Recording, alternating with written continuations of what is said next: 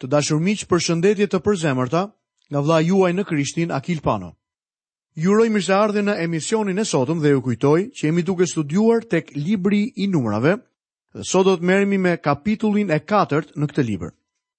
Temat që do të shqyrtojmë në këtë kapitull janë kush duhet të shërbejë dhe rregulli i shërbimit.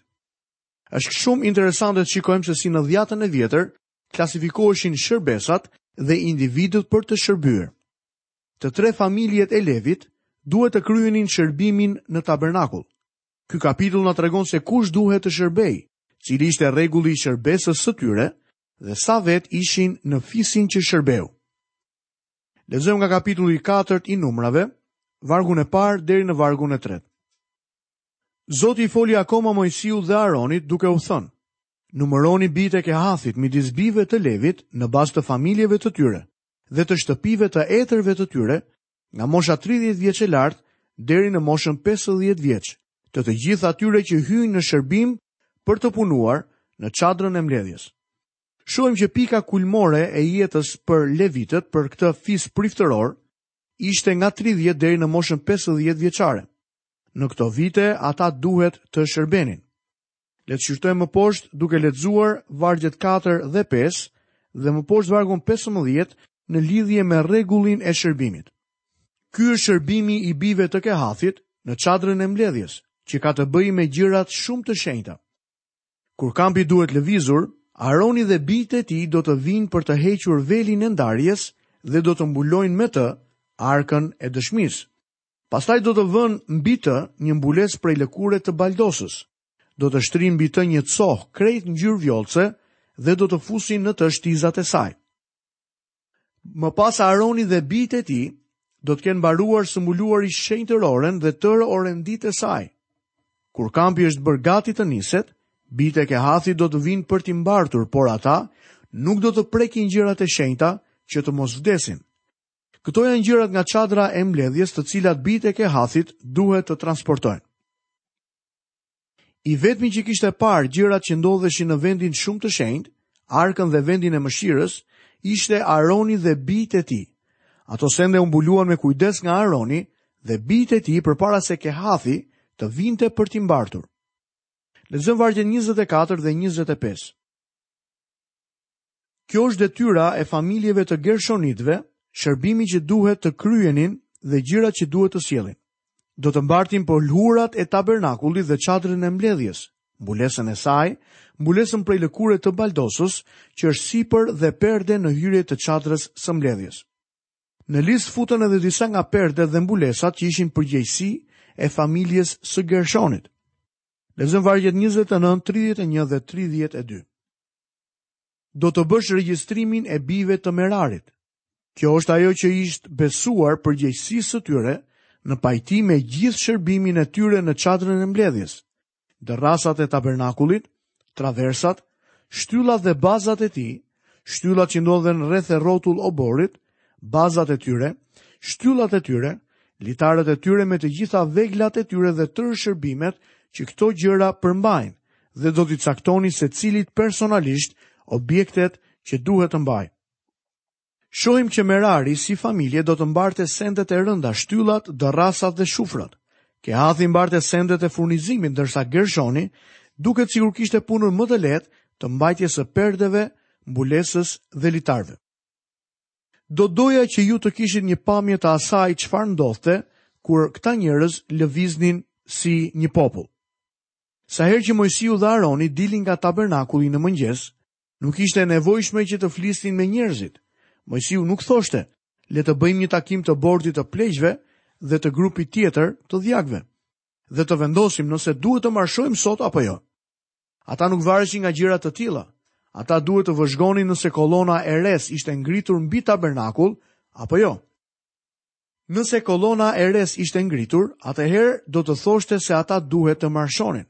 Nëse nuk ngrihej, atëherë do të thoshte se ata duhet të qëndronin atë ditë në kamp. Moisiu dhe Aroni thjesht duhet të vëzhgonin dhe të ndiqnin drejtimin që u jepte fryma e Zotit, sepse ajo kolonë reje përfaqësonte frymën e Perëndisë. Çdo fëmijë i Perëndisë duhet të drejtohet në një mënyrë të tillë sot. Kjo nuk do thotë që ne duhet të shikojmë për një kolonë reje të dukshme çdo mëngjes, por që duhet të drejtohemi nga i njëjti shpirt i shenjtë. Romakët 8:14 na thotë, sepse të gjithë ata që udhëhiqen nga fryma e Perëndisë janë bij të Perëndisë. Fryma e Perëndisë dëshiron të drejtojë bijtë e tij. Kur kolona e resë ngrihej, menjëherë Aroni dhe djemtë e tij shkonin në vendin e shenjtë, tek veli. Besoj se ju kujtohet se në anën tjetër të velit, në vendin e shumë të shenjtit, ndodhej arka dhe vendi i mëshirës. Mendoj se arka dhe vendi i mëshirës ndodheshin prapa velit dhe jo pas murit të pasëm. Kjo do të thoshte se kur kryeprifti hynte në vendin shumë të shenjtë, ai kthehej me fytyrë nga lindja ndërkohë që spërkaste gjakun në vendin e mëshirës. Kryeprifti e bënte këtë gjë vetëm një ditë në vit. Në ditën kur lëviznin ata, nuk shkonin brenda velit. Veli mbahej me anë të disa unazave, dhe kryeprifti do ta ulte atë poshtë dhe do ta hidhte mbi arkën dhe vendin e mëshirës. Pastaj ata do të vendosnin pëlhurat rreth tij dhe mbulesat e tjera, dhe më në fund do të vendosnin mbi to mbulesën e jashtme të tabernakullit. Kur e gjitha kjo kishte përfunduar dhe të gjitha enët ishin ambalazhuar, kehathët lejoheshin të futeshin brenda, Ata kishin disa dërrasa që u përshtateshin unazave dhe të gjitha atyre sendeve të furnizimit. Kehathët vinin brenda për të marrë furnizimet me anë të këtyre dërrasave për t'i nxjerrë jashtë. Prifti që kishte në ngarkim arkën, drejtonte rrugën përpara dhe priste për kolonën e resë që t'i drejtonte. Ne do të shohim rregullin e marshimit të tyre në një kapitull të mëvonshëm. Ndërsa tani do të shohim çështjen që në mbrëmje Duhet të ketë qenë një pamje vërtet emocionuese t'i shihje të gjithë ndërsa ndërtonin kampin e ri. Gjithsecili e dinte se çfarë duhet të bënte. Çdo njeri mbarte pjesën e tij të veçantë të tabernakullit përgjatë gjithë marshit të ditës. Sa herë që ngrinin kampin, gjëja e parë që vendosej poshtë ishte arka. I gjithë kampi rregullohej sipas saj. Kehathët që mbartin sendet e tjera të furnizimit do t'i ulnin ato në lidhje me arkën dhe pastaj dërrasat dhe perdet viheshin rreth tyre. Me fjalë të tjera këto sende futeshin të parat. Kjo nuk është mënyra se si e ndërtojmë një shtëpi sot, por mbani mend që kjo ishte e modeluar për një marshim dhe duhet të ishte diçka e lëvizshme. Çdo njeri kishte detyrën e tij. Mendoj se kampi ngrihej me nxitim, mendoj se brenda 30 minutave arka ishte vendosur poshtë dhe ata pushonin. Tabernakulli ishte gati për t'u përdorur. Më lejoni t'ua ilustroj këtë. Kam përpara syve të mi lëvizjen e organizimin e ardhjes së cirkut në qytet. Kur cirku vjen në qytet, vjen i transportuar nga treni. Shumë njerëz prej qytetit dalin tek stacioni i trenit për të parë ardhjen e pajisjeve, kafshëve të cirkut, akrobatëve të tij dhe gjithçka tjetër që cirku sjell me vete. Nuk dëgjohet asnjë zhurmë tjetër përveç atyre të kafshëve të cirkut.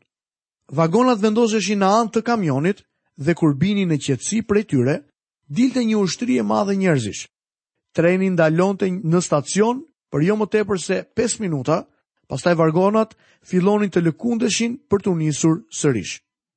Cirku shkarkohej dhe pastaj lëvizte drejt vendit ku do të ngrihej kampi. Pastaj fillonte ngritja e tendës. Shumë individë bënin pak pushim për ndonjë kafe, ndërsa skuadrat e tjera merreshin me ngritjen e tendës së madhe dhe kulmin e saj të madh. Pastaj kjo skuadër ulej për të ngrënë mëngjes ndërkohë që punëtorët që ishin duke pirë kafen shkonin për të vendosur vendet, unazat e cirkut dhe për të varur trapezin. Imagjinoni një organizim të tillë të madh të përmasave të një dimensioni të tillë. Kur Izraeli kishte përfunduar ndërtimin e kampit, kehathët vendosnin poshtë sendet e furnizimit. Pastaj Merari hynte brenda me dërrasat, shufrat dhe bënte pjesën e tij. Më vonë Gershoni vinte për të mbuluar me mbulesat sendet. Në fund kryeprifti lëvizte velin dhe e varte.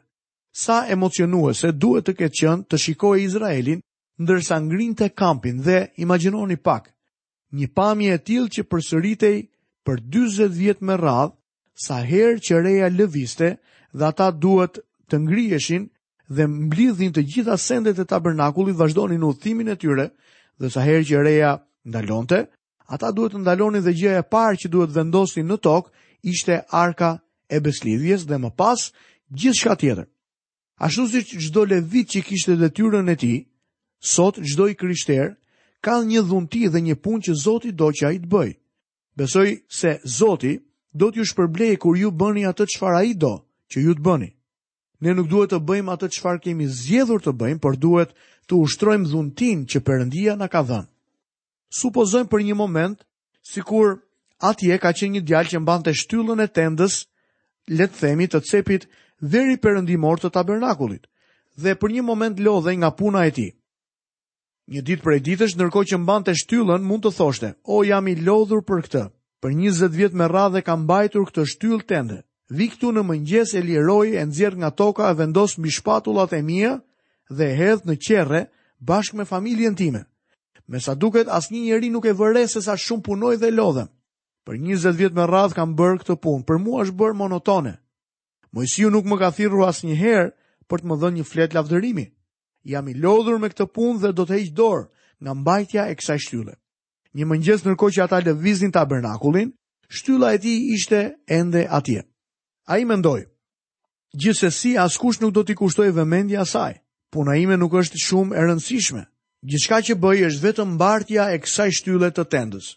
Kështu që mendoj ta lë fare për sot. A mund ta imagjinoni pak problemin në mbrëmjen tjetër? Ata do të përpiqeshin të ngrinin tabernakulin në vendin tjetër, por shtylla veri perëndimore nuk do të ishte aty. Njerëzit do t'ia raportonin këtë Moisiut dhe do t'i hidhnin sytë nga ai njeri që duhet ta mbarte atë shtyllë. Moisiu do të pyeste, ku është shtylla e tendës? Dhe njeriu do t'i përgjigjej, e lashë atje ku qëndruam natën e djeshme. Pastaj Moisiu do ta pyeste sërish se përse e kishte lënë atje. Dhe me shumë mundësi djali do t'i përgjigjej.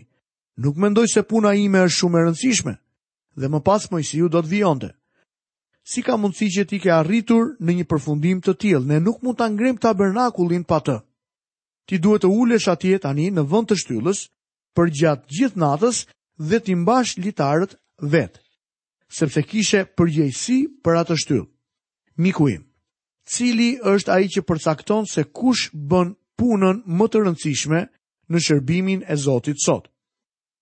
Ai njeri kishte qenë besnik për 20 vjet, dhe ja krejt papritur u çorodit dhe vini re, se çfarë i ndodhi ngritjes së tabernakulit.